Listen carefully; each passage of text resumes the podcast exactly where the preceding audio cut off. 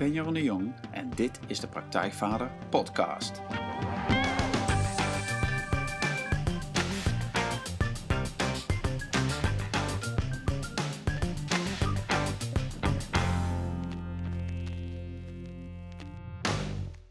Welkom bij een nieuwe aflevering van de Praktijkvader Podcast. En vandaag uh, in de podcast uh, Jaap Duin. Jaap, hartstikke goed dat je er bent. Ja, leuk. Ja, en Jaap Duin um, begeleidt topsporters, sprekers, leiders en ondernemers. Mensen die vaak onder druk moeten presteren en desondanks creatief, authentiek en energiek willen blijven. En als mental coach, of misschien inmiddels iets anders, maar daar zal hij straks nog iets over vertellen, um, was hij betrokken bij het eerste team van uh, hockeyclub Bloemendaal. Uh, maar inmiddels is hij wat meer afgestapt van het mentale aspect. Het gaat niet meer zozeer om weten, zegt hij zelf, maar meer om intuïtie en spontaniteit. En het experiment en de improvisatie in de ontmoeting. Een paar keer per jaar gaat hij met een groep mannen de berg in, Albanië, Italië, Noorwegen, onder de noemer Elements Expedition. En in die pure omgeving laat die mannen zich loskoppelen van de drukte van de dagelijkse red race en zo helemaal bij zichzelf komen. Uit je kop en in je gevoel. En die trainingen zijn intensief en confronterend. En het Parool, de Volkskrant, Esquire Magazine stuurde een verslaggever mee. En dat leverde erg mooie artikel op. En die kun je teruglezen op de site van Jaap, jaapduin.nl. En Jaap zelf zegt over die reizen... Uh, mannen zijn gewoon niet zo goed in het organiseren van momenten... waar het gesprek verder gaat dan vrouwen en voetbal. Maar deze reizen zijn wel zo'n moment. Je kunt er heel open kwetsbare gesprekken voeren... zonder dat het meteen therapeutisch wordt, maar dat kan wel. Jaap is 32 jaar, ontzettend gedreven en een man met een ongezouten mening. Ooit meer dan een verdienstelijk golfer en nu een succesvolle coach, ondernemer met een grote hang naar avontuur. En een terugkomend thema um, in deze podcastafleveringen. Jaap is een koud doucher, hè, net als andere mannen die ik geïnterviewd heb de afgelopen maanden. Dus dat is interessant. Um, in dit gesprek gaan we het hebben over uh, Jaap's motivatie om te werken met mannen, waar hij zijn eigen focus en inspiratie vandaan haalt en wat hij tegenkomt bij de mannen uh, met wie hij werkt, die ook nog vader zijn. Nou, dat is in het kort. Jaap, nogmaals welkom in de podcast. Ja, Super. dank. En leuk om hier bij jou uh, thuis te zijn, midden in Amsterdam. Yes. Leuk, ja. Um, ik vraag vaak aan gasten uh, na, na zo'n opsomming zoals ik net heb gedaan... van hoe ze zichzelf zouden willen omschrijven aan mensen die zich niet kennen. Maar toen las ik op, jou, uh, op jouw site de laatste blog... En die, antwoorden, die beantwoordde die vraag meteen. Dat vond ik zo'n mooi verhaal. Want um, als kind wilde jij later vuurwerkmaker worden. Tenminste, dat schrijf je in die blog. Hmm. En opeens werd je daaraan herinnerd. En dat gaf, gaf van allerlei stroom tot, tot gedachten over wie je bent en wat je doet. Ja. Ja, kun je, wat, maar wat is dat vuurwerkmaker? Kun je er iets over zeggen? Um, nou, het, ik was vroeger helemaal gek van, van vuurwerk. Dus ik, ik, ik sliep met het, uh, met het krantje letterlijk onder mijn hoofdkussen. Um, en ik ben geboren op Texel en er was een lokale fietsenverhuurbedrijf. Uh, Bruining in de Koog en die had zo'n krantje en dat had ik dan helemaal versterkt met uh, plakband, zodat het niet kapot ging. En ik vond dat iets magisch hebben. Uh, dingen uh, aan elkaar verbinden, opblazen. En, um, en, later leerde ik een keer dat, dat als je vraagt aan een kind wat, wat het wil worden, dat daar, dat daar vaak een, een verlangen in zit. Um, en, en ook een gemis. En uh, toen ging ik daar dus over nadenken van, hé, hey, wat, wat, hoe zat dat dan bij mij, hè? En um, los van dat ik het nog steeds te gek vind om dingen op te blazen en in de fik te steken. uh, um, maar er zat er denk ik ook een verlangen in. En een verlangen was een verlangen naar intensiteit. En, en, en, explosiviteit. En ik was best wel een, een, een, ja, een excellerend kind op Texel. Ik kon, kon goed makkelijk leren. Uh, en ik kon goed sporten. Ik had een goede genen meegekregen, dus heel veel dingen um, sociaal ja, ging me ook wel goed af. Dus het, ging eigenlijk allemaal best wel goed. En, uh, maar op Texel, en misschien zullen de Noord-Hollandse luisteraars, ik weet niet in hoeverre je die uh, ook aan je hebt gewonnen, dat herkennen, is, is, al snel van, doe maar normaal, dan doe je al gek genoeg. Dus ik, had heel erg de neiging, ik voelde heel veel potentie, denk ik, achteraf in me, maar ik, ik kon dat moeilijk uiten. En, um, en uiteindelijk heb ik dat in eerste instantie in mijn leven heel erg via sport gedaan. Dus marathons lopen op, op Groenland en, uh, en, en, en heftig, uh, uh, nou ja, heel, heel hard en, en, fanatiek voetballen en inderdaad golf op hoog niveau. En, en ik ben eigenlijk steeds meer die intensiteit en, en wat een beetje met dat vuurwerk maken te maken heeft. We gaan zoeken in mm, interacties met mensen, maar ja, ook met de natuur eigenlijk. Ja. Dus. Uh, en hoe ziet dat er nu uit? Ja, je zegt de interactie van, maar hoe ziet dat er nu uit? Maak je vuurwerk? nee, ik maak geen, eh, ik, niet letterlijk maak ik vuurwerk, maar ik, ik, wat ik wel merk is dat ik, um, ik kom wel ik heb altijd het idee dat bepaalde uh, cliënten of klanten, of hoe je het wil noemen, die komen op je pad met een reden. En heel veel mensen die op mijn pad komen en die ik help, dat zijn best wel krachtige mannen over het algemeen. Ook wel vrouwen, maar ik denk dat 95% van, uh, van de mensen die ik help man zijn. En die hebben gewoon ook veel power in zich. En dat is op de, op de een of andere manier komt dat er of niet uit, of dat is uh, door een burn-out even ondergesneeuwd geraakt of uh, op, op een andere manier klemt het. En ik help mensen eigenlijk om ja, dat vuur weer aan te steken. Hoe clichématig dat misschien ook klinkt, maar ik begrijp en ik voel dat, dat, dat als je kracht in je hebt, dat je, dat, dat eruit moet. Ja.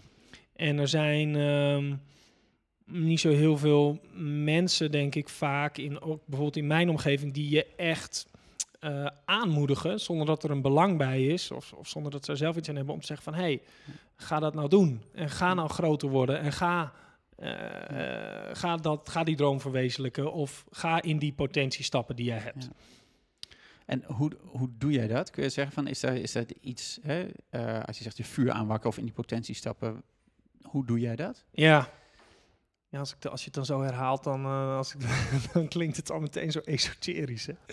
Vuur aanwakkeren in de potentiestap. Nou, uh, allereerst doe ik dat door heel scherp te, te luisteren. Ik doe een aantal dingen. Dus ik, uh, ik coach gewoon mensen, dan voeren we gesprekken. Nou ja, in zo'n gesprek. Ja, ja. ja, in een gesprek. Nou, dat, dat begint met, met goed luisteren, denk ik. En meestal, en ik heb de afgelopen tien jaar eigenlijk ook heel veel in Mm, zeg maar mijn eigen waarnemingsvermogen geïnvesteerd. Hè, door, door retreats of door ceremonies of door zelf coaches en therapeuten te hebben, door opleidingen te doen. Dat meestal de dingen die gezegd worden, die, uh, die doen er niet zo heel erg toe. Ik voel meer soort van onder de oppervlakte. en, uh, uh, en daar spring ik meteen op in. Ik noem dat zelf uh, een bullshit detector. En dus als ik voel dat, hey, je klopt iets niet, dan ga ik gewoon aan. Ja. En dan, uh, dan laat ik niet los totdat ik voel dat het, dat het wel klopt. En uh, dat is soms door iemand, uh, iemand of een, een, grap te maken, maar dat kan ook door even iemand heel hard te challengen of iemand letterlijk vast te pakken en um, even door elkaar te schudden. Um, dus dat gaat, dat gaat eigenlijk altijd voorbij aan wat er gezegd wordt, maar meer van, oké, wat voel ik? En dat vertaal ik naar, en dat geef ik terug aan de persoon die tegenover me zit. Ja, ja en je zei net al even van, hè, van vaak in je eigen omgeving, of je sprak over jouw cliënten, of misschien wel ook over jezelf, of, of hoe ik dat bij mezelf herken. In je eigen omgeving zijn er vaak niet zoveel mensen die die, die rol oppakken of dat mm. doen, zeg maar. Hè? Mm. En um, vind je dat jammer, of hoe zie je dat zelf? Van, uh, ja. Hoe doe je dat bij je eigen vrienden of zo? Ja, nou, mm,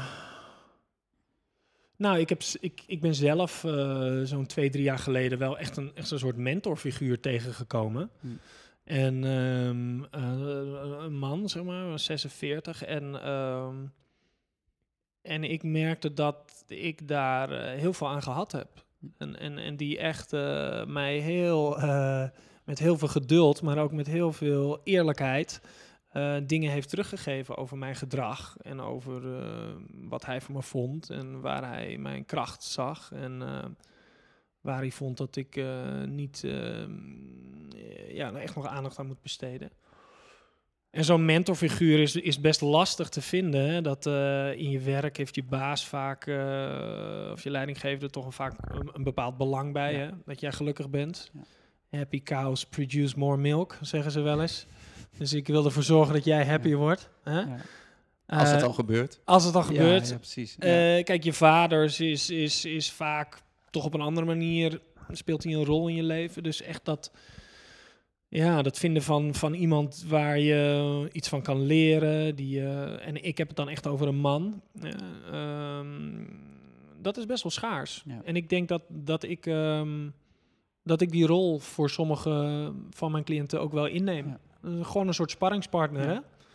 Eh, gewoon eerlijk zeggen wat, je wat, wat ik ervan vind. Ja. En, eh, en, en, en, en een soort heldere spiegel. Ja. ja. Ik denk dat dat heel belangrijk is. Ik heb daar zelf heel veel aan gehad in mijn leven. Ja. Ja. Ja, en, en hoe... ehm hey, je zei net van iemand gevonden. Ehm, nou, even terug van... want Jij zegt eh, jouw vader of hè, vaders zijn dat minder, zeg maar. Of jouw vader was dat minder voor jou? Klopt dat als ik dat zo zeg? Of op een andere manier? Ehm, nou, ik, ik ben geboren op Texel en daar heb ik gewoond tot en met mijn zestiende. Ja. En ehm, toen ben ik verhuisd. Toen ben ik naar Amsterdam verhuisd. En ik, ik ben inmiddels 32, dus ik besefte met dit jaar dat ik eh, bijna langer aan de overkant woon, zoals ze dat op Texel dan Het zeggen. blijft dat nog steeds een beetje Ja? Eh, inmiddels woon ik langer aan de overkant dan, ehm, eh, dan op Texel. En, eh, en in die periode heb ik eigenlijk veel minder contact met mijn vader gehad. Omdat ja, dat, dat, ja hij woonde nog op Texel. En ik woonde in Amsterdam. En eh, ja, weet je, je gaat studeren, je krijgt andere vrienden. Je, eh, mijn vader heeft zijn hele leven op Texel gewoond. En, en ehm, een bouwbedrijf gehad. En op een gegeven moment heb je ook een ander soort leven gevormd, zeg maar. En, ehm, en ehm, is, is hij wel echt van waarde geweest, hoor, gedurende mijn leven. Maar ehm, ja, ik, ik, ik denk dat dat ook een, een, deel wat ik niet bij hem kon vinden. En dat ging vooral over meer, mm, laten we zeggen, creatieve of ja, misschien spirituele ontwikkeling of, of, of persoonlijke ontwikkeling. Eh, dat, heb ik, dat heb ik bij andere Ja. mannen wel gevonden. Ja. Ja, En ben je daar bewust naar gaan zoeken? Of zijn die op je pad gekomen? ja dat, dat is wel dat, dat is een beetje op mijn pad gekomen. Je, je, je haalde al aan, ik heb vroeger gegolfd en ehm, ik las ooit een boekje, The, The Inner Game of Golf. En daar, daar werd eigenlijk een soort van mijn, eh, ja, daar is het vuurtje zeg maar aangestoken. En, en ik las daar dingen en ik dacht van, hé, hey, dit herken ik. En eh, die spanning en, eh, en, en hoe dat dan gaat. En toen ben ik psychologie gaan studeren. Ja. Toen was ik 21 of 22 dat ik klaar was met studeren, vrij jong. En toen zijn er langzaam gewoon wat, wat mensen en dingen op mijn pad gekomen. En heeft zich dat eigenlijk altijd vrij eh, ja, dynamisch gevormd. Eh, dus ehm, ik ben nooit echt een. Ik heb me nooit echt een zoeker gevoeld. In de zin van dat ik. ehm, dat ik naar iets op zoek was. Want ik, ik was eigenlijk best wel eh, happy. Ja. Weet je, best wel een goede jeugd gehad en, en gezond. En, eh, dus ik, ik was niet op zoek naar het eh, opvullen van iets. Nee, En op die manier kwamen er gewoon mensen op mijn pad. ja. Mannen, vrouwen. En, eh, ja. Ja, nou, dat is mooi. De, ehm, hè, van, dat is wat je zegt, van, je hoeft niet altijd per se een heel groot probleem te hebben om toch nog eh, iemand te vinden die iets kan leren of zo. Hè? Ja. Het is niet altijd van, oh shit, ik weet niet meer hoe het moet. Maar het gaat ook, ja, tenminste als ik naar mezelf kijk, gaat het ook over jezelf iets gunnen of zo. Kan ik iets leren van jou? Of hè, dus kun je me iets spiegelen? Of Ja. kan ik iets...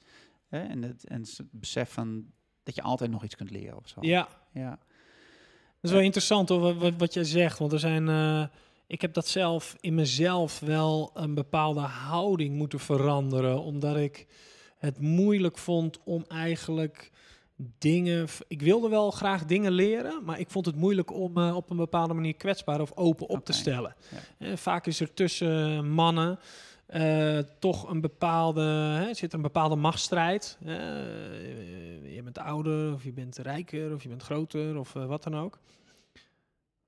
Waardoor er een, ja, een, een, een, een, soort verkramping ontstaat. En ik, ben, ik heb ook van die, van die man, mijn mentor, op een gegeven moment geleerd van... Hey, het is echt een kracht om tegen iemand te zeggen... Hey, kun, je, kun je even feedback geven op wat ik doe? En dat is natuurlijk heel eng, want als ik net iets geschreven heb... en ik vraag aan hem, wat vind je daarvan? Ja, dan, ja, dan leg ik me- mijn kloot een beetje op het hakblok, Ja. hè? Ja. En het zijn juist die korte pingpongmomentjes... die mij supersnel laten groeien. Ja. En op, ik denk op, op veel werkplekken en, en in veel professionele situaties is dat waar ik ook heel veel mannen op coach van... hey, doe nou die korte even pingpong momentjes. hey, wat vind je hiervan? Schiet er even op. hey, wat vind je hiervan? Schiet er even op. En daardoor groeien super snel. En, ehm, en, en, en dat kan zowel over dingen gaan die je gecreëerd hebt... maar ook gaan over dingen waar je mee zit. Hey, weet je, mijn vriendinnetje die doet de hele tijd dit. Of mijn vrouw doet de hele tijd dit. Wat, wat kan jij daar even... Vind jij daar eens iets... Geef daar eens feedback op. Ja. Dus ja. En, en als je dat soort dingen doet hè, in, de, in je coaching, ehm, hoe reageren mannen daarop?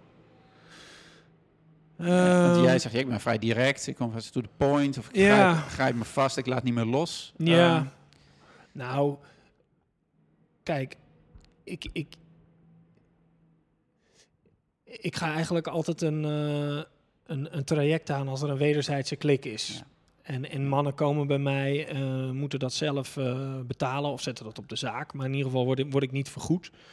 Ehm, dus zij zitten daar volkomen uit eigen beweging. En ehm, dat scheelt al een heleboel.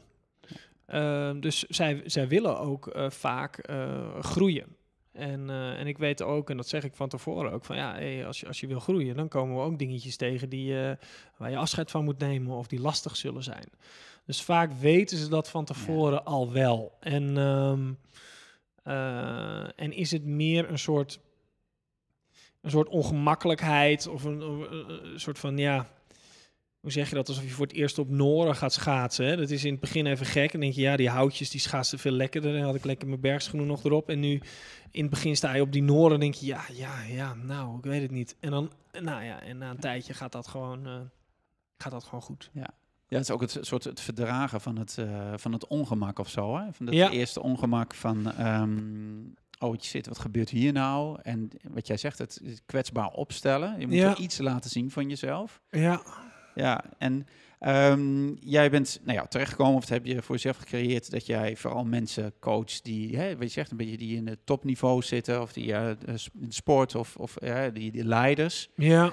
Ehm, is, is daar één ding wat je zegt, ja, maar dat is bij die mensen anders dan bij mensen die op een ander niveau werken? Of heb je daar gevoel bij van die, die gedrevenheid misschien? Van wat, wat kom je daar tegen veel? Mm, ja, ik moet, het zijn niet alleen leiders, het zijn vooral denk ik we- we- wel best wel autonome mannen. Dus het zijn vaak ook ondernemers. Ja. En, en je kan ook leider van je gezin zijn Ja, natuurlijk, of, precies. of leider van je Ja. sportvereniging. Maar het zijn vaak wel, wel mannen die, eh, ja, die een bepaalde mate van, eh, hoe zeg je dat dan, entrepreneur zijn of intrapreneur. hè. Dus vaak gewoon ondernemend in het leven staan en, en zelf iets willen en niet gestuurd worden door iemand. Ja. Ehm, ja, wat. Kijk, wat, wat ik merk in, in, in die mannen is dat er een soort, eh, een soort drang zit naar, naar ontwikkeling. Van hey, ik, ik wil groeien. Ik wil, eh, ik wil, wil beter in iets worden. Ik wil of een, een betere, betere vader zijn. Een beter, eh, mijn, mijn bedrijf beter leiden. Ik wil lekkerder in mijn vel zitten. Ehm, dus ik merk in ieder geval wat, wat, ik, wat ik merk is een, een, ja, een, motivatie van binnenuit om iets te willen. Ja. Eh, en dat, dat ehm, Ja, en, en, hè, en eh, nou ja, dan ga je natuurlijk kijken, dan stelt dat iemand hè, eh, komt met de vraag van, nou ja, Jaap, ik kom nu bij jou en ik wil echt een betere vader zijn, ik wil echt meer ruimte in mijn gezin innemen. Van, ehm, ja, wat, wat, wat doe je dan, zeg maar? Of het zijn dingen die je dan tegenkomt, zeg maar, wat, waar, waar mensen tegenaan lopen als het, als het over zo'n onderwerp gaat?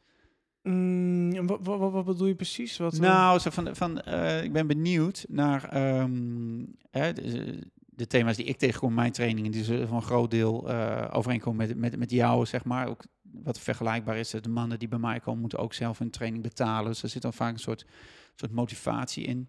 Ehm, ik ben benieuwd wat, wat jij tegenkomt van misschien nog mensen die wat meer gedreven zijn. Ehm, hoe ze dat, nou misschien wel gewoon van hoe combineer je die, die, die drive, zeg maar, om te groeien eh, en, en jezelf te laten groeien. Eh, dat is denk ik mijn vraag. Ehm, met, met de omgeving om je heen, zeg maar. Ja. Nou, ik, kijk, wat, wat ik heel eh, leuk vind, is als mannen ook nog een beetje speels zijn. Ja.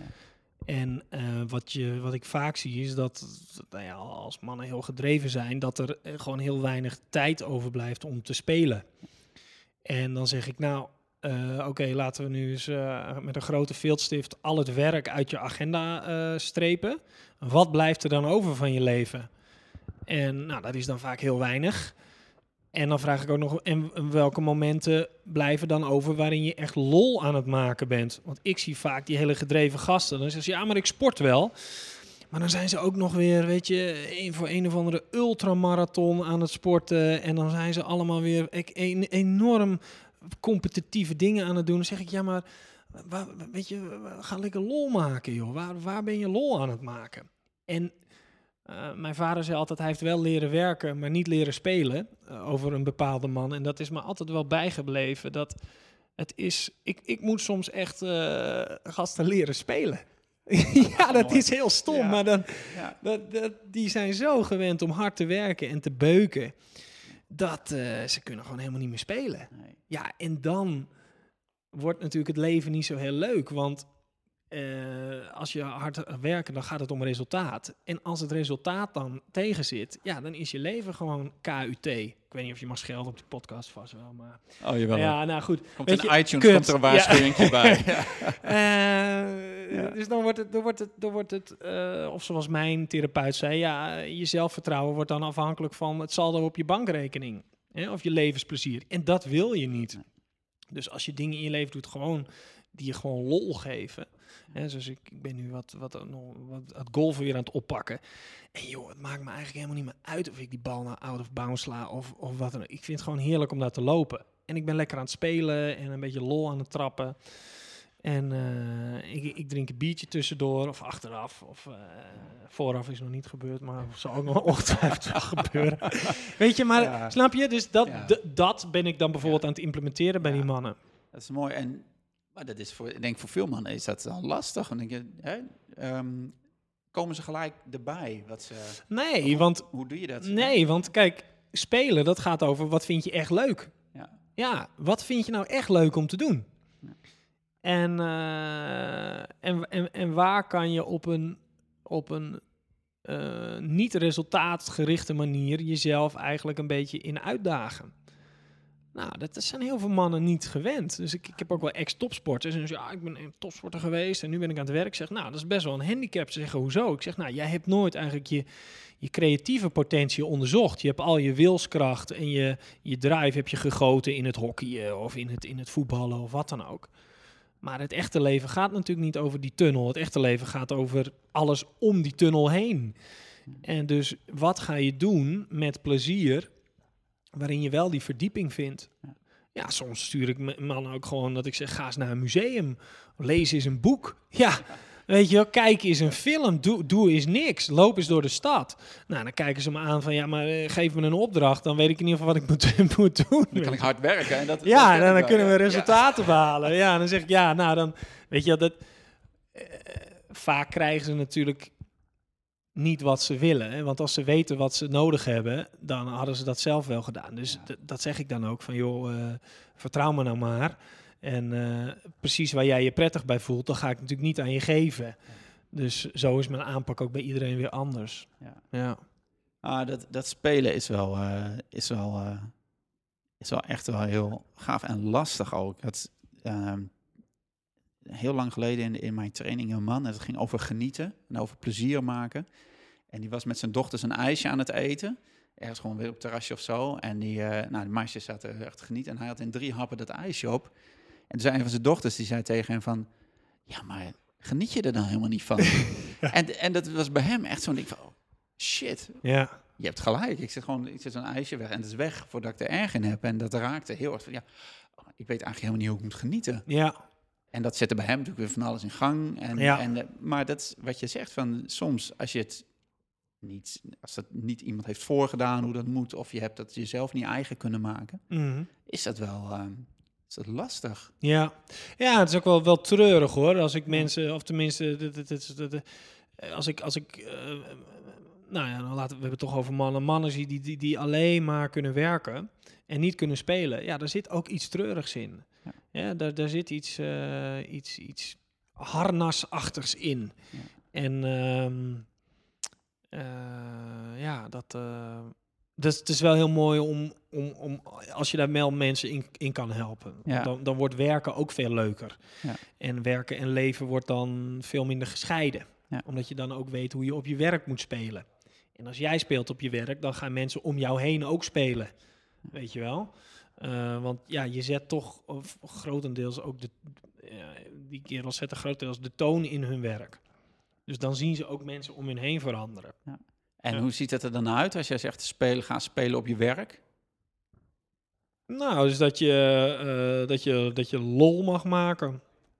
Dat je gewoon lacht. Weet Ja. je, ik zie eh, gisteren wordt, eh, was een wasmachine, afwasmachine was kapot en de inbouwding die werd hier geïnstalleerd. En die, ja, die man die was dan heel boos. En, en ik was alleen maar heel blij dat hij dat ding zo perfect had geïnstalleerd. En ik zeg, eh, ik zeg wauw Willem, ik zeg wat te gek man, helemaal waterpas. En eh, ja, hij kon eigenlijk alleen maar, eh, ja, nou, dit was niet goed en zus was moeilijk en dat was zus en dat was, ja, dus dat is dat, een beetje lol hebben. Ja. Ja, hoeveel, hoe- tel jij maar even de kerels om je heen die, die van de dag werken thuiskomen en zeggen, ik heb lol gehad. Ik ben voordat ik, ik ben, op een gegeven moment afgestudeerd, toen ben ik anderhalf jaar consultant geweest. Nou, daar werd ik dus totaal niet gelukkig van. Een mooi pak en een auto en een laptop en eh, weet ik veel, allemaal eh, projecten doen bij het Rijk. En, eh, en na anderhalf jaar stopte ik ermee. Ik was helemaal uitgeblust. Ik was er helemaal klaar mee. En toen ben ik zonnepanelen gaan installeren. Op de daken, een half jaar lang, met een, met een, een club van drie, vier gasten. Het hele land door, eh, de da stijger opzetten, de daken opklimmen, eh, zonnepanelen installeren. En eh, dat was heerlijk. Gewoon heel veel gelachen. En ik kwam op een gegeven moment wel achter dat ik met, met een training in de avonduren net zoveel verdiende als drie dagen op het dak. Dus weet je wel, maar ik had wel heel veel lol. Ja. Ik had wel weer helemaal dat, dat ja, vuur in mezelf gevonden. Ja. Dus ja. Hey, en je doet nu al een tijdje, doe je die, eh, die expedities, Ja, Elements Expeditions. Elements Expedities, ja. ja, nou, ja. ik zeg het al, je begint al te stralen. Dus eh, Ja. vert- vertel, vertel daarover. Wat is dat? ja, nou, eh, ik kwam... Mijn ouders hebben een klein huisje in de duinen op, op Texel. Ik zal even naar het be- begin gaan. Ja. Eh, en daar nodigde ik altijd een ga- paar gasten uit. Eh, Eén keer in het jaar. En dan gingen we drie dagen lang lekker in de duinen zitten. Maar ik kwam er op een gegeven moment achter dat ik het lekkerder vond om om zeven uur 's ochtends op te staan en de koude zee in te duiken en lekker een stuk hard te lopen en dan de hele dag nog ja, te hebben om in de natuur te zijn, rond te wandelen. En eigenlijk het merendeel van die gasten die wilden de hele dag, eh, de hele nacht eh, ja, een beetje bier drinken en blootjes roken en eh, op gitaars jammen. En letterlijk, ik ging 's ochtends vroeg een keer naar buiten en ik ging naar buiten en zij gingen naar bed. En toen dacht ik, nee, dit, dit, dit, dit klopt niet meer. Het liep niet helemaal synchroon. Nee. En toen ben ik die expedities gaan organiseren eh, vanuit een verlangen om... Ik had toen ook, was voor de eerste keer in een zweethut gegaan. En toen merkte ik van, hé, hey, dit is mooi. Dit is een soort intense manier om samen met gasten te zijn. Zonder dat het intens is in de zin van eh, bergen beklimmen of voetbalwedstrijden spelen. Dus er was wel een soort, ja, brotherhood. Ja. Maar niet op een prestatiegerichte manier. Nee. Dus even zeggen wat een zweethut is? ja, zweet het is, je zit dan met een man of twaalf, zit je in je zwembroek eh, in een kleine soort van iglo-achtig, van wilgetenen gemaakt. En daaroverheen liggen allemaal wollen dekens en in de midden worden, is een kuil. Daar zit je dus in een cirkeltje omheen. Eh, en eh, het is helemaal donker. En buiten is een groot vuur met allemaal basaltkeien, zware, zware keien, ongeveer de grootte van, eh, nou ja, wel, twee sinaasappels.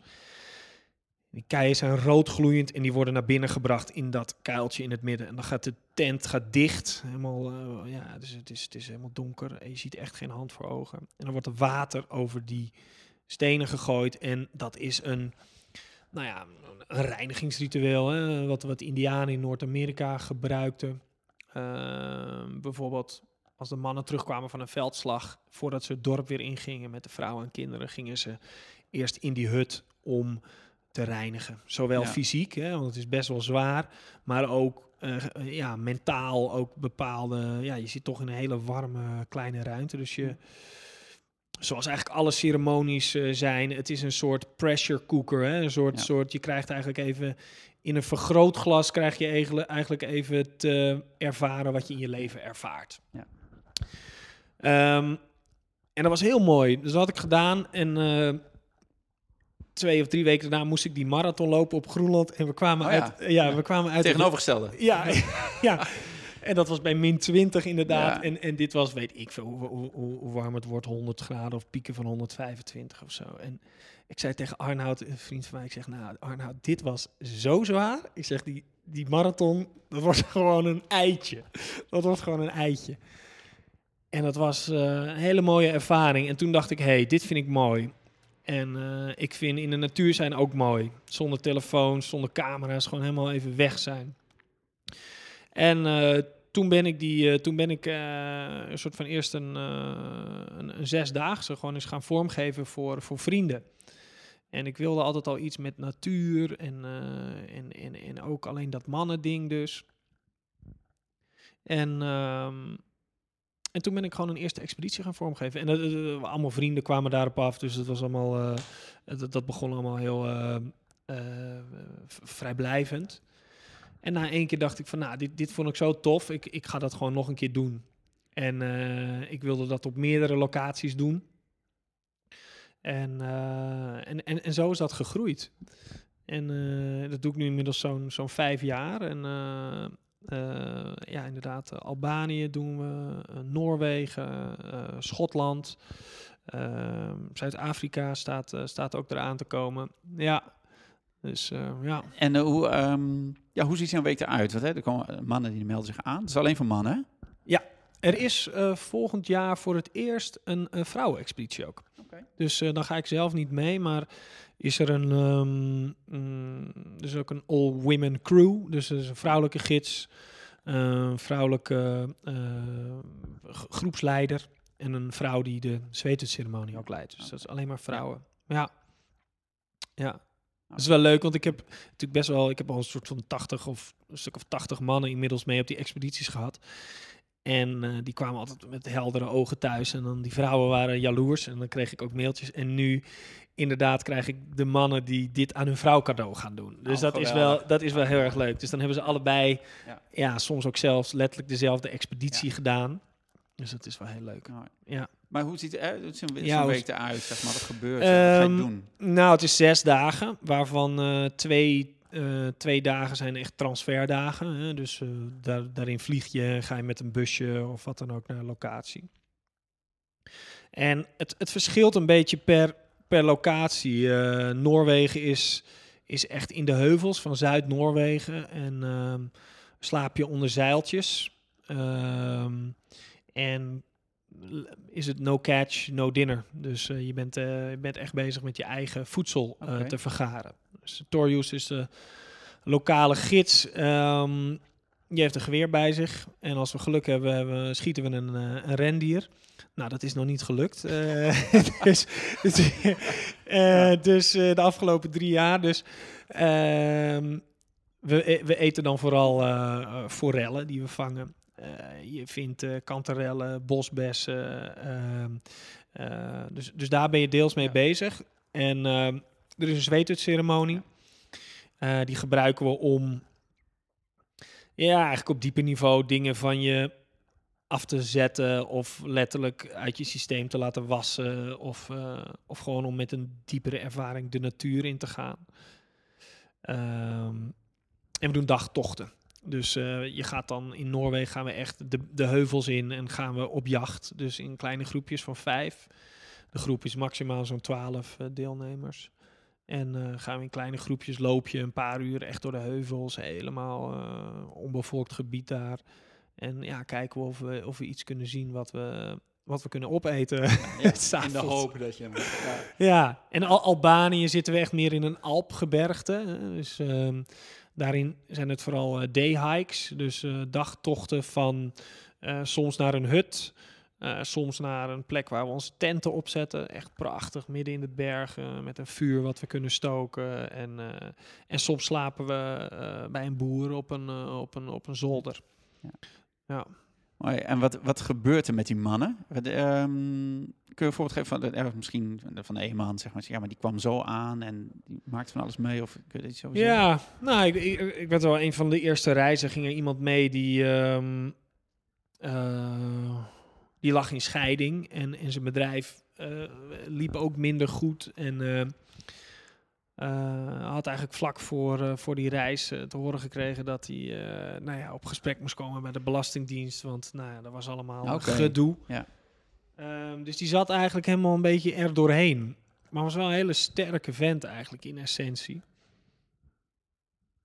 En hij kwam gedurende die reis er eigenlijk achter dat hij met best wel een groep jongere gasten ook eigenlijk gewoon een van de, van de fitste kerels nog steeds was. En een van de sterkere. En hij had zoiets van, wauw, maar ik heb gewoon zoveel kracht eigenlijk in me. En ik kan dit gewoon dragen. Dus eh, die ging eh, naar huis, zijn batterij gewoon helemaal opgeladen. En die, die heeft die scheiding gewoon super eh, mooi en, en, en, en helder afgerond.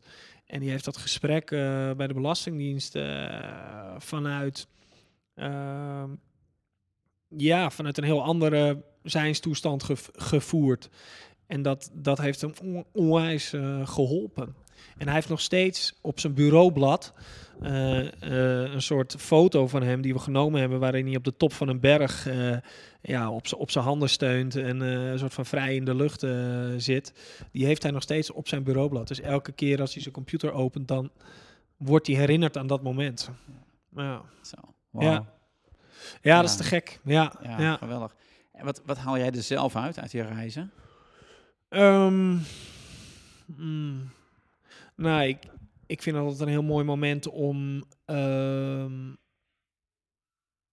om weer even van een afstand te kunnen kijken naar eh, waar ik mee bezig ben.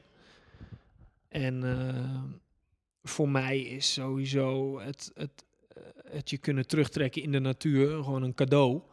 Eh, dus ik, ik haal er sowieso heel veel, heel veel energie uit. En het is ook wel een soort ehm, ja, hoogtepunt. Hè? Dus ik, ik, ik, je moet zo doen, ik, zien, ik, ik doe drie expedities per jaar. En eh, nou, dan gaan zo'n eh, zo'n twaalf man mee. Eh, ja, ik ben daar wel veel mee bezig. Hè? Dus mensen denken wel eens van, nou ja, is, leuk, eh, zo'n expeditie organiseren. I- is het ook.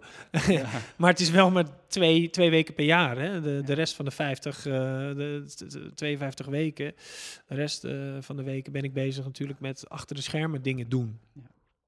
Dus het is ook een soort hoogtepunt van, ehm, eh, ja, van, van het jaar en in, in, in de dingen die ik doe en, en de dingen. En, en ik leer altijd een. Ja, ik leer altijd over mezelf. Weet je, als je in de natuur bent en, eh, en ook met een groep mannen ik krijg altijd nieuwe inzichten. En ehm, En wat maakt het dan, hè? want dat, dat ken ik zelf ook wel, maar wat maakt het dan dat je, dat je dat in de natuur wel krijgt? ja, En dat je als je gewoon je leven leidt en jij in de stad of nou ja, waar dan ook, dat het dan minder snel gebeurt? nou, ik denk dat, ehm, dat het, het, het heeft natuurlijk met de natuur te maken, maar een, eenzelfde ding is als je op reis gaat. Hè? Dus als jij nu, eh, als ik jou nu eh, in, in midden in, eh, weet ik veel, Noord-Korea drop, dan krijg je een hele heldere spiegel over wat jij denkt en Ja. wat je voelt en, en wat je gewend bent te doen. Omdat alles wat jou definieert, is opeens weg. Hè? Dus, dus mensen dragen andere kleding, er is een andere omgeving, er zijn andere, er is een andere taal. Dus ik denk vooral het, het verschil van omgeving maakt dat je referentiekader, hè, je tijd, je schema, je hapje, je prakje, je zoen van je vrouw, je knuffel van je kinderen, dat valt allemaal weg. Dus wat blijft er over? Dat ben jij. En in de natuur is dat eh, nog helderder dan in een andere stad of in een ander land, omdat in de natuur er nog minder, dus de aanhalingstekens, afleidingen zijn. Hè? Dus het is eh, stil.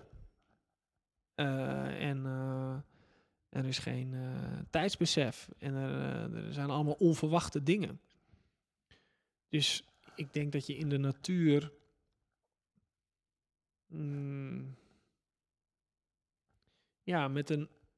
Grappig genoeg met een een laag van jezelf geconfronteerd wordt, die natuurlijk er al heel lang is, want we zijn opgegroeid in de natuur, maar die gek genoeg nooit meer wordt aangesproken, omdat je nou eenmaal in de stad bent. En je hebt altijd een horloge om, of er zijn altijd dingen die, als je honger hebt, eet je wat, als je, weet je. Dus het is een, eh, ja, ik weet niet, het is iets dat we allemaal in ons hebben en, en waar we waarschijnlijk in onze bloedlijn ook gewend zijn om aan te relateren, maar helemaal niet meer doen. Dus in het begin voel ik me altijd heel onwennig. Dan denk ik, jezus, wat zit ik hier nou weer in, onder een zeiltje in, in Noorwegen? Mijn god, en het is koud en het regent. Wat is... Ja, nou, serieus, dus dan denk ik echt van, dit vind ik gewoon helemaal niet leuk. Maar dan komt er altijd zo'n soort switch even. En dan denk je, oh wauw, wat is het eigenlijk te gek. En wat voelt het goed om hier te zijn. En oh, wat is het heerlijk om even niet verbonden te zijn met alles wat mij normaal gesproken definieert of bezighoudt of waar ik me druk om maak. Dus uh, ja. En is dat ook waarom je uh, plekken kiest? Hè? Noorwegen, Albanië. Uh, je gaat niet naar Zuid-Limburg of zo. Nee, dat... nee.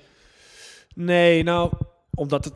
Kijk, die, die plekken, daar kom je gewoon bijna geen mensen tegen. En dat is te gek. Dan hebben we in Noorwegen een soort basiskamp. Ja, daar, komt gewoon nooit iemand. Dus je bent dan helemaal even met z'n twaalf, dertienen.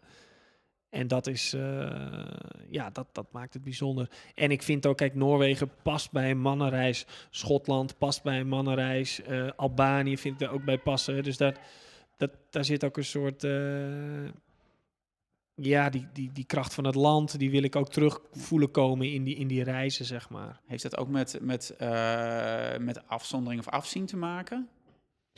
Um, wat bedoel je? Nou, van de, je zegt een mannenreis, de kracht van het land. Ik kan voor ze kijken, Noorwegen is geen Zuid-Frankrijk. Dus, nee. dus um, ja, nou, het is meer van, gaat het ook over, um, gaat het ook over afzien? Letterlijk fysiek afzien, die Mm. reizen? Nou, ik ben, ik ben zelf wel redelijk getraind in die zin dat ik heb mijn hele leven gesport en, en nog wel regelmatig. Dus ik, en ik ga altijd op zo'n reis ergens wel een keertje, zeg maar, stuk. Maar het is niet het hoofddoel van die reizen. Want als wij nu, we zitten hier dicht bij het Vondelpark, als we nu met, eh, nou ja, staat hier zo'n kettlebell, eh, daar het, het Vondelpark ingaan, dan ben je na een half uur of misschien wel na een kwartier, heb ik jou helemaal kapot. Dus Ja.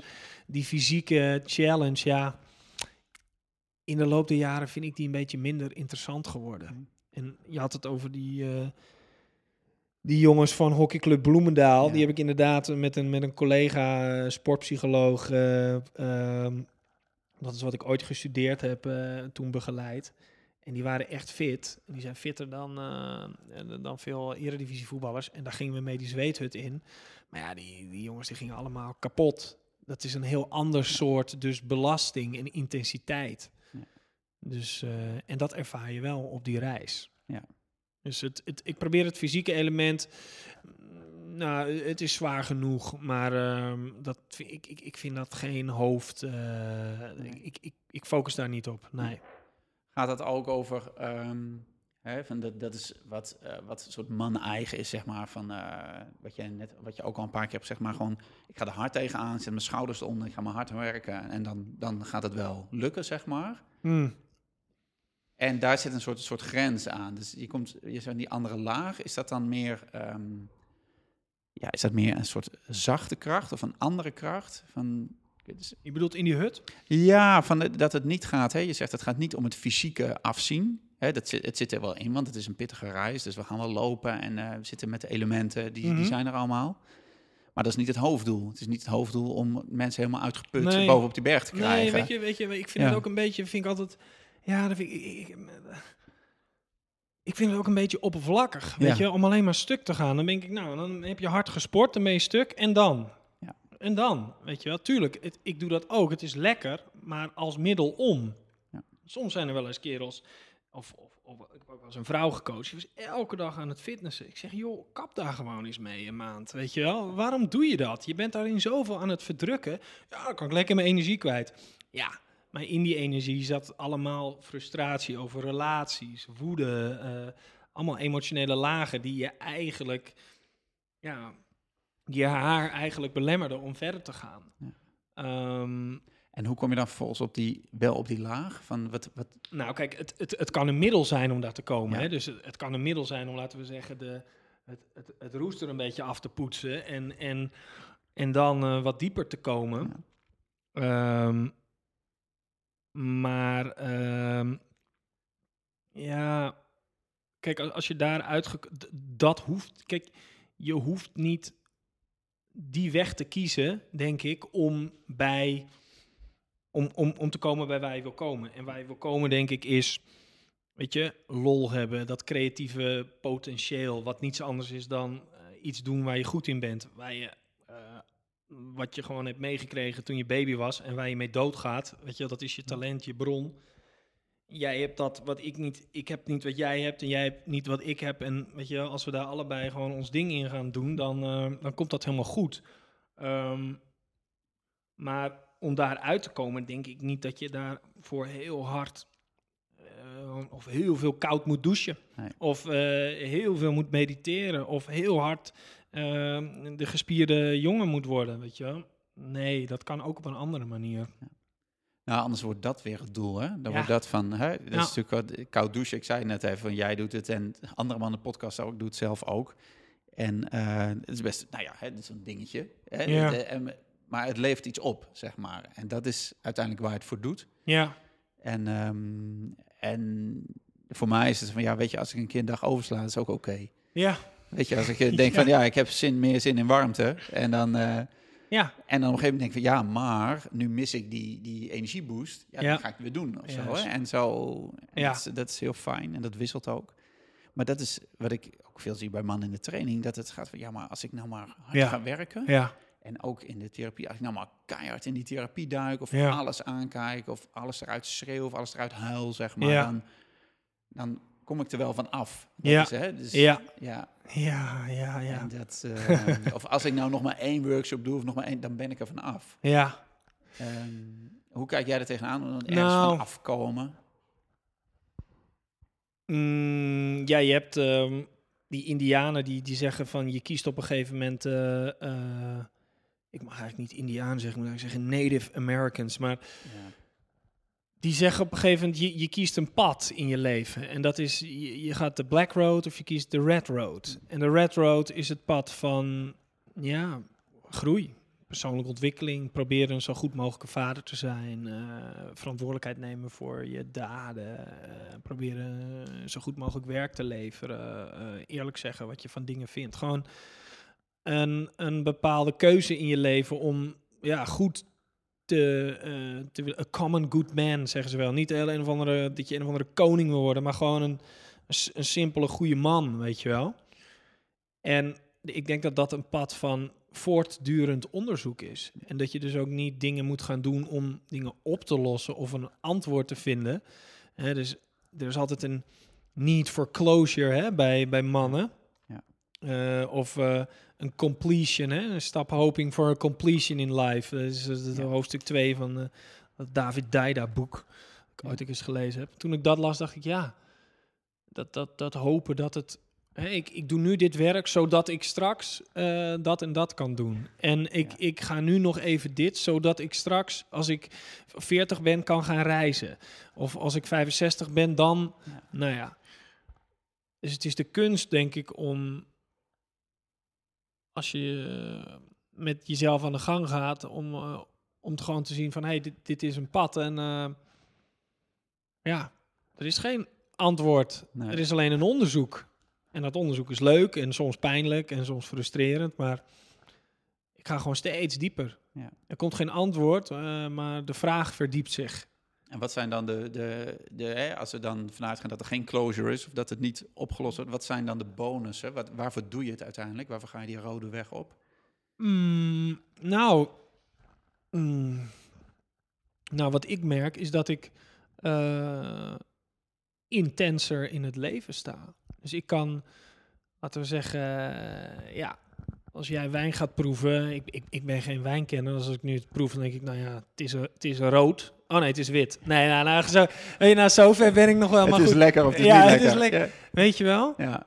Maar als ik daarmee in ga verdiepen, dan merk ik, hey, er is drop, er is hout, dit is het boeket, dat is de afdronk. Dus dan ga ik veel intenser genieten van dat stukje wijn, of van dat, dat stukje wijn, van dat slokje, stukje, stukje wijn naar de mensen toe. Hè? Eh, Nee, naar eh, eh, van die wijn. Ja. Het, het, het nadeel is dat ik ook opeens erachter kom dat er heel veel gore wijn is. Dus dat, dat ik op feestjes kom, dan denk ik, gadverdamme, waar ik dat vroeger wegslobberde, nu niet meer. Dus, maar aan de andere kant, als er dan een keer een goede wijn komt, dan denk je, "Jee, dit is wel goed spul zeg. En zo is het denk ik met persoonlijke ontwikkeling ook, dat je, je gaat steeds meer emoties in jezelf herkennen. Laten we zeggen dat je je instrument om dingen te voelen of waar te nemen, wordt steeds eh, gevoeliger. Ehm, waardoor eh, je meer dingen in jezelf waarneemt, bij anderen waarneemt. En vriendschappen zich verdiepen. Ehm, seks eh, op een heel ander niveau plaatsvindt met je, met je vrouw of je vriendin. Of überhaupt een vrouw of man, wat dan ook. Ehm, eh, je, je kinderen die je beter kan begrijpen. Weet je, je gaat gewoon een diepere verbinding aan met, met eh, alles wat er voor je lichaam komt. En of dat nou eten of eh, zien, horen, voelen, proeven, ruiken is. Het wordt gewoon intenser. Ja, dat is wel te gek, vind Ja. ik. Ik, ik. ik hou daarvan, weet je wel. Ik, ik, ik herken dat ook in kerels, dat er een bepaalde... Ja, ik noem dat de oemf is. Dat de, Ja, de oemf. Dat Ja. is zo van... ah, dat, ja, ik weet niet, weet je. Dat, dat eh, Ja. tegelijkertijd iets, iets, iets dierlijks, maar ook iets speels. En, en dat kunnen vrouwen ook hebben. Maar gewoon zo'n soort... eh, Ja. ja, zest noemen ze het in Engels, geloof ik. Hè? Zest for life of zo, zo'n beetje. Ja, dat is mooi, want je zegt het en ik voel hem ook, zeg maar. En ik kom gelijk ook een beetje in die omf. Ja, ja. Zo, zo lekker is dat. Ja, Zo van, ah, laten we iets gaan doen. Of, Ja, hè, dat, ja, dat, dat ja is zo toch? Ja. Fijn. En, en dat spelen en het, en het lol hebben en tegelijkertijd ook groeien. En uh, nou, ik vond het wel mooi om te zeggen van wat jij uh, in het begin een beetje zei over die, die verhouding tussen mannen. Hè? Van dat het vaak uh, met ouder en, en jonger, of de groot of klein of rijker of minder, dat er vaak zo'n ja. competitie tussen Ja. zit. Hè? ja. Um, en dat, uh, nou ja, dat, dat, dat, zie ik ook en dat ken ik ook, zeg maar. Mm. Dus dat is, is zo'n man eigen. Daar gaan ook al die boeken over, zoals David Dida, Mm. Robert Bly en zo. Van, hoe, hoe doorbreek je dat? Hoe, hoe, hè? Hoe, hoe doe jij dat? Of hoe, Um, ik kan me ook voorstellen dat als jij zo'n groep mannen in zo'n expeditie bij elkaar hebt, ja. die willen natuurlijk allemaal hetzelfde. Dus daar zit een, maar er zit misschien ook in het begin even een beetje aftasten. Wie ben jij? Wat voor werk doe jij? Ja, ja, En, ja, eh, dat gebeurt altijd in het, in het ritje. eh, dat vind ik altijd een heel interessant eh, onderdeel van het ritje van, de, van, van zeg maar het vliegveld naar, naar de bergen toe. ja. Dan is iedereen ja, een beetje aan het praten. En de een is heel stil en de ander is heel druk. En, en daar, daar merk je zeg maar dat... ehm, ehm, dat zeg maar volgens de normale patronen nog contact wordt gemaakt. En dat is, eh, dat, is, dat is altijd wel heel leuk om te zien. En op een gegeven moment wordt dat, wordt dat minder. Ik heb zelf gezien dat ehm, de relatie met. eh, kijk, hoe je contact maakt met andere mannen heeft vaak, denk ik, te maken met de relatie met jouw vader. En ehm, ik heb mijn vader eh, heel hoog zitten en had hem op een gegeven moment ook een beetje op, op een voetstuk staan. Dus wat ik ging doen, is ik ging andere mannen ook op een voetstuk zetten. Maar wat er gebeurt met als je mensen op een voetstuk zet, dan eh, kunnen mensen daar ook van afvallen. Of eh, je gaat je in ieder geval altijd verhouden tot ik sta onder iemand of ik sta boven iemand. Dus of ik was mezelf een beetje aan het opblazen. Ja, en dan, eh, dan ging ik een beetje flauwe grappen maken. Of als ik dan een, eh, een oudere kerel eh, tegenkwam waar ik... een vriend van mij is, is ook coach. En dan, dan, dan leerde ik heel veel van hem. En dan was ik wel af en toe van die soort van destructieve grappen aan het maken. Van ja, maar... eh, Weet je wel, met je dikke buik en je kale kop. Of eh, wat, weet je wel, gewoon over, over zijn ouderdom. Gewoon het dingen wat hij zei van, wa- wat, wat zijn dit nou weer voor grappen, weet je wel? Jij nou? Ja, wat, wat, ja, Ja. doe gewoon relaxed. Eh, dus toen ik daarachter kwam, toen dacht ik van, hé, hey, ik moet gewoon wat minder gaan, eh, ik moet gewoon wat minder gaan beoordelen, weet je wel? Van, eh, of ik erboven of eronder sta. Ik ben, ik, eh, als ik gewoon geïnteresseerd ben, En gewoon vraag van, hé, hey, hoe, hoe doe jij dat? Of wat vind jij daar nou van? Of eh, hoe is dat voor jou? Dat ik gewoon veel meer levelde met, eh, met, met gasten. En dat, dat kan ik nu, eh, en dat is heel leuk, want weet je, ik, ik golf dan en, en dan ben ik best wel, dan zit ik op een, een, golfclub en daar, daar kom ik hele andere mensen tegen dan dan hier in de sportschool in Amsterdam. En, of, of, te, of op Tessel in de kroeg. Maar ik kan wel met. En ik vind het ook leuk. Dus uh, ik, ik voetbalde tot voor kort nog met een voetbalteam op Tessel. En die gasten die woonden daar allemaal. Maar ja, de ene die was marinier. En de andere was schilder. En de andere was, uh, weet ik veel, accountant. Maar die hadden allemaal ander soort levens. Dus ik vond het wel ja, omdat ik een beetje gewoon relaxed kan relateren en vragen stellen, weet ik wel heel veel over hoe die gasten leven en wat ze doen. En dat is super interessant. Dus ik word daar veel, ik leer veel meer over anderen. En dat vind ik leuk, weet je wel. Ja, dat vraagt zo'n open blik. Hè? En dat, nou, dat gaat ook weer een beetje over die kwetsbaarheid. Dat je dus wel uh, vraagt gewoon oh ja, maar hoe doe jij dat dan? Ja. Hè? En dat is wat ik, uh, wat ik veel merk. Jij waarschijnlijk ook gewoon in, in de trainingen van... Um, dat dat voor mannen niet gewoon is. En dat ze dan, dat ze dan uh, dat ze merken als ze zo'n vraag stellen. Ja. ja. als het nou gaat over, ik weet niet hoe ik dat met mijn werk moet doen of los moet laten. Of ik weet niet hoe ik ja. uh, wel iets leuks met mijn kinderen kan doen of kan genieten of kan gaan spelen. Ja. Als ze die vraag stellen, dat ze, dat ze merken, en weet je, ik ken, hou zelf ook van dingen alleen doen, zeg maar. Hè, maar dat je dan niet de enige bent. Ja. En dat je dan merkt dat die gast die naast je zit, oh, die, uh, die, die heeft dat ook. Of uh, die heeft nog iets heel anders. En uh, dat je wat minder in van, oh, ik ben de enige of ik ben hier uniek in. En ja. dat, dat, dat lot wat ik moet dragen of zo. Ja. Dat is zo. Het normaliseren, hè? Zo, dat, dat, dat, dat, zo, zo van dat we het gewoon eens hebben over, weet je, hoe, hoe, hoe doe je dat nou eigenlijk? En uh, hoe ga jij ermee om? En in plaats van dat het een wedstrijdje verpissen wordt. Ja. Uh, maar inderdaad ook het, het om hulp durven vragen vanuit kracht. Hè? Dus uh, ik, ik vroeg heel erg hulp vanuit de slachtofferrol. Oh, ik weet het niet en dan kan je me helpen. Ja, dat is natuurlijk niet relaxed voor iemand om dan mij hulp te geven. Want dan ben ik meteen op hem aan het hangen. Ja. En dan moet hij jou gaan redden ja, of zo, hè? dan moet hij mij gaan redden. Ja. Dus als je vanuit de gelijkwaardigheid om hulp vraagt, van hé, hey, ben ook lekker bezig. Nou, ik ook. Ik heb een paar dingen. Wil je me daar, weet je wel, um, wil, je daar, uh, wil je daar eens je feedback op geven? En ik denk dan altijd wel meteen uh, wat ik voor hem ook kan betekenen. Ik krijg wel eens vragen van uh, mensen die willen dan iets allemaal dingen weten en dan denk ik, ja, wat heb ik daaraan? Dus ik, ik, nou ja, goed, dat heb ik dan ook in de loop der dingen geleerd. Van, hey, kan jij maar daarop reflecteren? Uh, uh, en wellicht kan ik je dan een keer daarmee helpen of zo. En um, dus het om hulp durven vragen als een man en niet als een jongetje, ja. hè, dat, dat heb ik wel moeten leren. Ja. En, uh, en dat kon ik niet. Nee. En, en waarom? Omdat het me op school ging het altijd goed. Op de universiteit ging het goed. Dus ik was ook nooit in een positie waarin ik echt om hulp durfde te vragen. En als het echt moeilijk werd, ja, dan, uh, dan, dan ging ik daar eigenlijk ook. Dus ik, zocht eigenlijk een beetje de makkelijke weg. Hè? Dus leren was ik goed in en uh, sporten was ik goed in. En dat ging doen. Ja, daar heb ik nooit hulp bij nodig gehad, zeg maar. En wat is dan, wat is dan zo'n keerpunt geweest van jou, dat je zegt van ja, maar nu moet ik wel hulp vragen? Of? Uh, nou, ik had een relatie met een meisje op mijn uh, 22e en uh, daar was ik helemaal verliefd op. En, en ik wilde gewoon heel graag dat het goed ging, maar ik, het, lukte me, het lukte me gewoon niet. Ja. En toen ging het uit na twee jaar.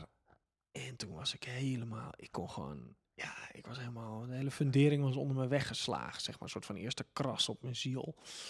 Um, en toen kwam ik er zelf niet uit. En toen ben ik, uh, toen ben ik een soort van weekcursus gaan doen met een vrouw hier in Amsterdam. Ging erg over voelen en uh, nou ja, noem het maar op. En uh, dat was wel een, een, een, soort van defining moment. Dat ik, dat ik toen dacht van ja, ik kan dit niet meer met mijn kopie en met mijn wilskracht en mijn, uh, wat ik, wat ik. Toen voelde ik gewoon van dit, dit kan ik niet zelf. Ja. Dit kan ik niet zelf. Ja.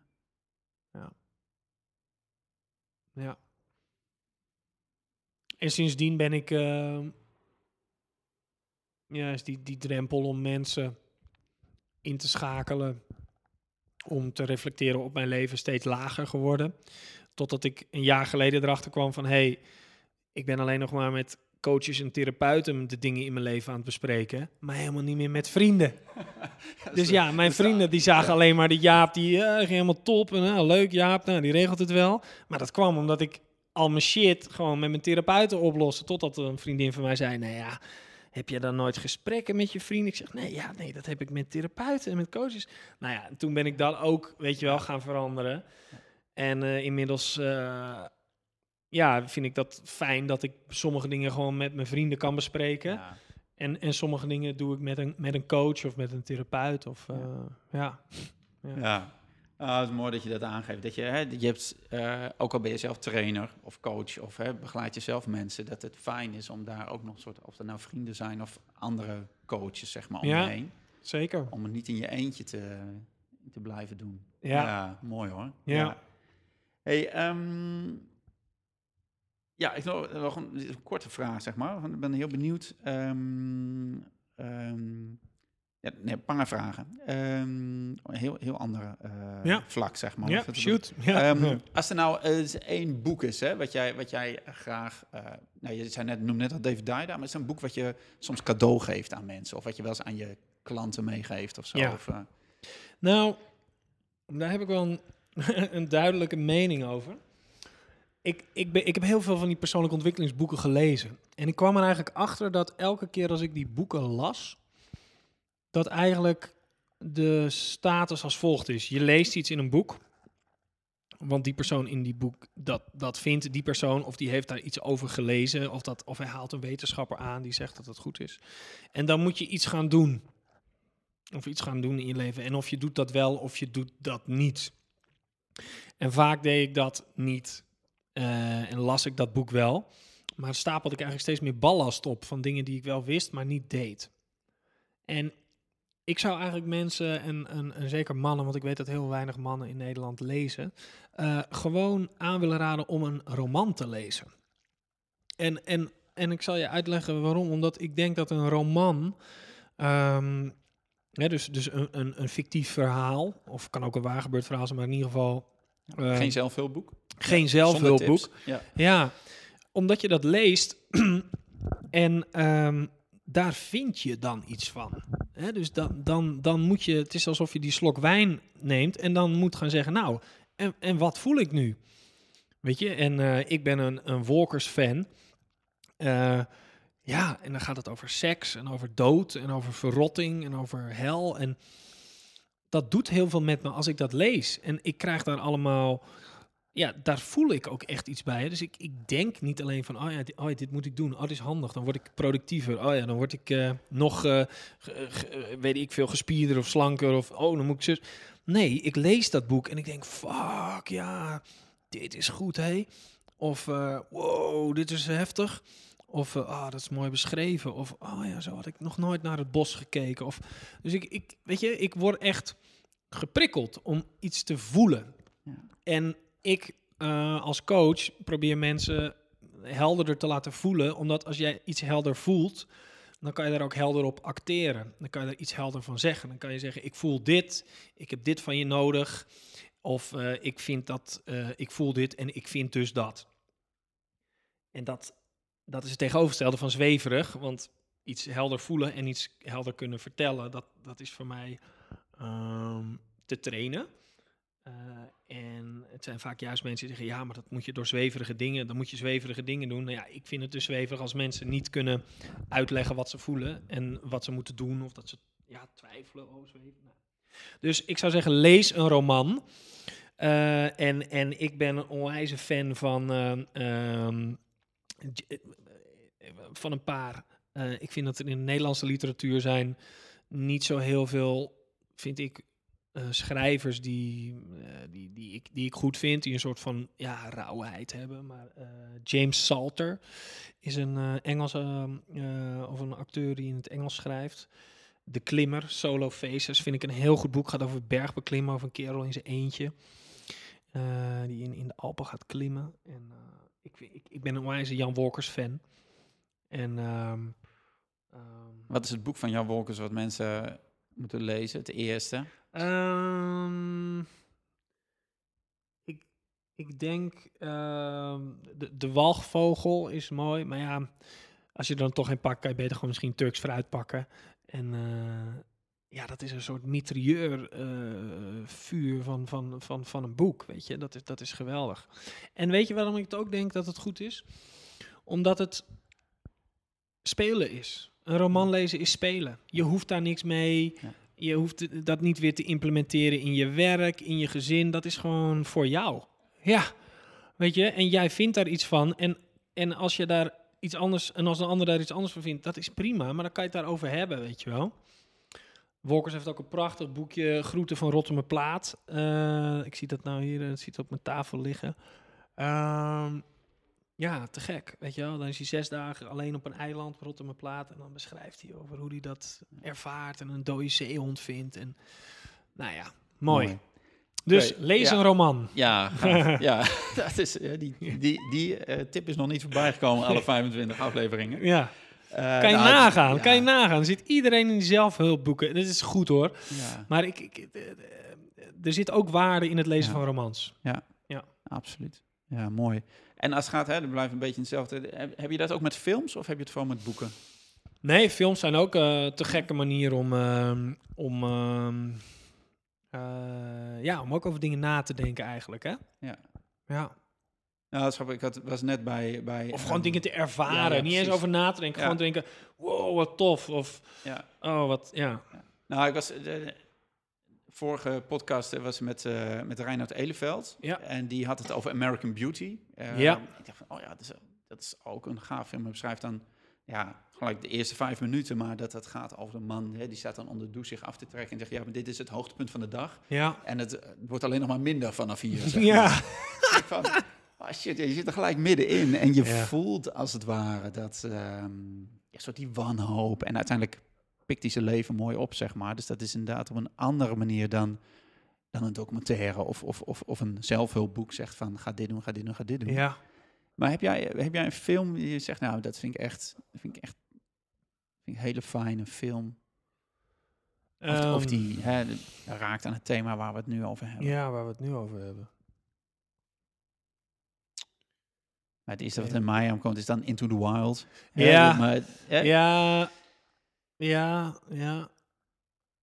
Ehm, nou, kijk, Fight Club is natuurlijk een Ah. interessante film, hè, als het gaat over, over, over mannen en, en ook een bepaalde psychologie die, daar, die daarin zit. Er zitten wel heel veel lagen in. Dat boek is ook wel te gek.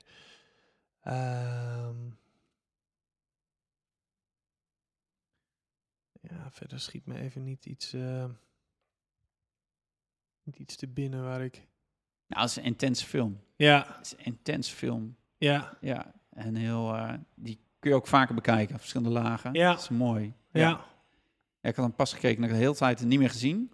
En ik van, oh, hij is nog zo vers eigenlijk. Ja, Terwijl die film is ook wel 15 jaar oud of ja zo. zeker. Dus, Ja, dus ja, ja, ja. ja. ja. ja.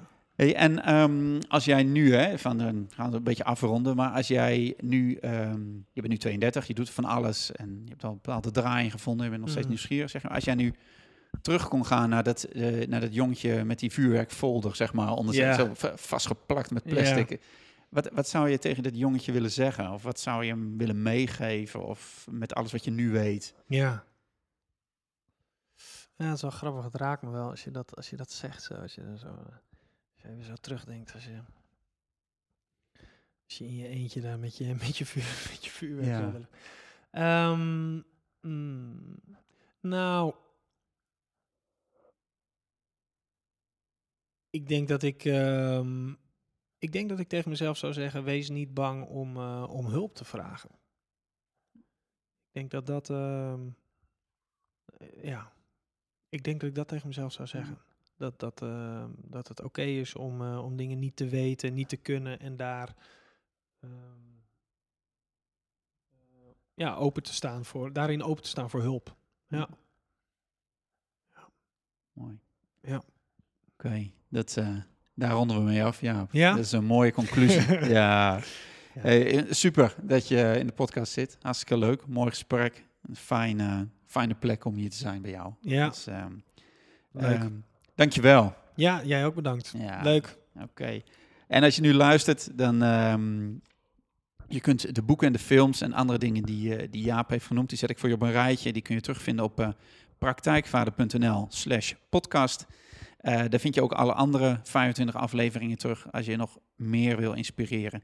Allerlei mensen die iets over zeggen over mannelijkheid, volwassen mannelijkheid of kinderen opvoeden. Nou ja, daar kun je een keur aan inspiratie komt daar voorbij. Je kunt je via iTunes of via Stitcher, als je een Android-telefoon hebt, eh, gratis abonneren op de podcast. En dan iedere keer als er een nieuwe aflevering is, komt die, eh, krijg je een melding op je telefoon, op je laptop, op je tablet. En dan kun je zo verder gaan luisteren. Eh, en dat is allemaal gratis. Dus, en als je niet weet hoe dat moet, dan kun je ook op praktijkvader.nl podcast kun je dat terugvinden. Ehm, fijn dat je er was, fijn dat je luistert. En ik hoor je graag bij de volgende podcast. En voor nu, heb het goed. Tot kijk. Hoi. Hey, Jeroen hier met nog een eh, kort nagekomen bericht. Als jij nou helemaal geïnspireerd bent geraakt door wat Jaap vertelde over zijn expedities, dan kun je alle informatie daarover teruglezen op elementsexpeditions.com eh, of op de Facebookpagina Elements Expeditions op Facebook. Ehm, en wat ook leuk om te vertellen is dat Jaap heeft nog een speciale aanbieding voor luisteraars van deze podcast. Als jij je in 2017 aanmeldt of nu aanmeldt voor een expeditie in 2017 en je laat daarbij weten in, in de aanmeldprocedure dat je via de praktijkvader komt, dat kan door eh, op die pagina de code hekje praktijkvader aan te geven. Dan ga je niet alleen eh, op reis natuurlijk, maar krijg je ook nog een mooi cadeau wat je aan je zoon of dochter kunt geven. Dus een leuk, toepasselijk cadeau, ehm, een extraatje. Dus eh, check die site en alle andere info vind je over Jaap vind je op jaapduin.nl. Hey, heb het goed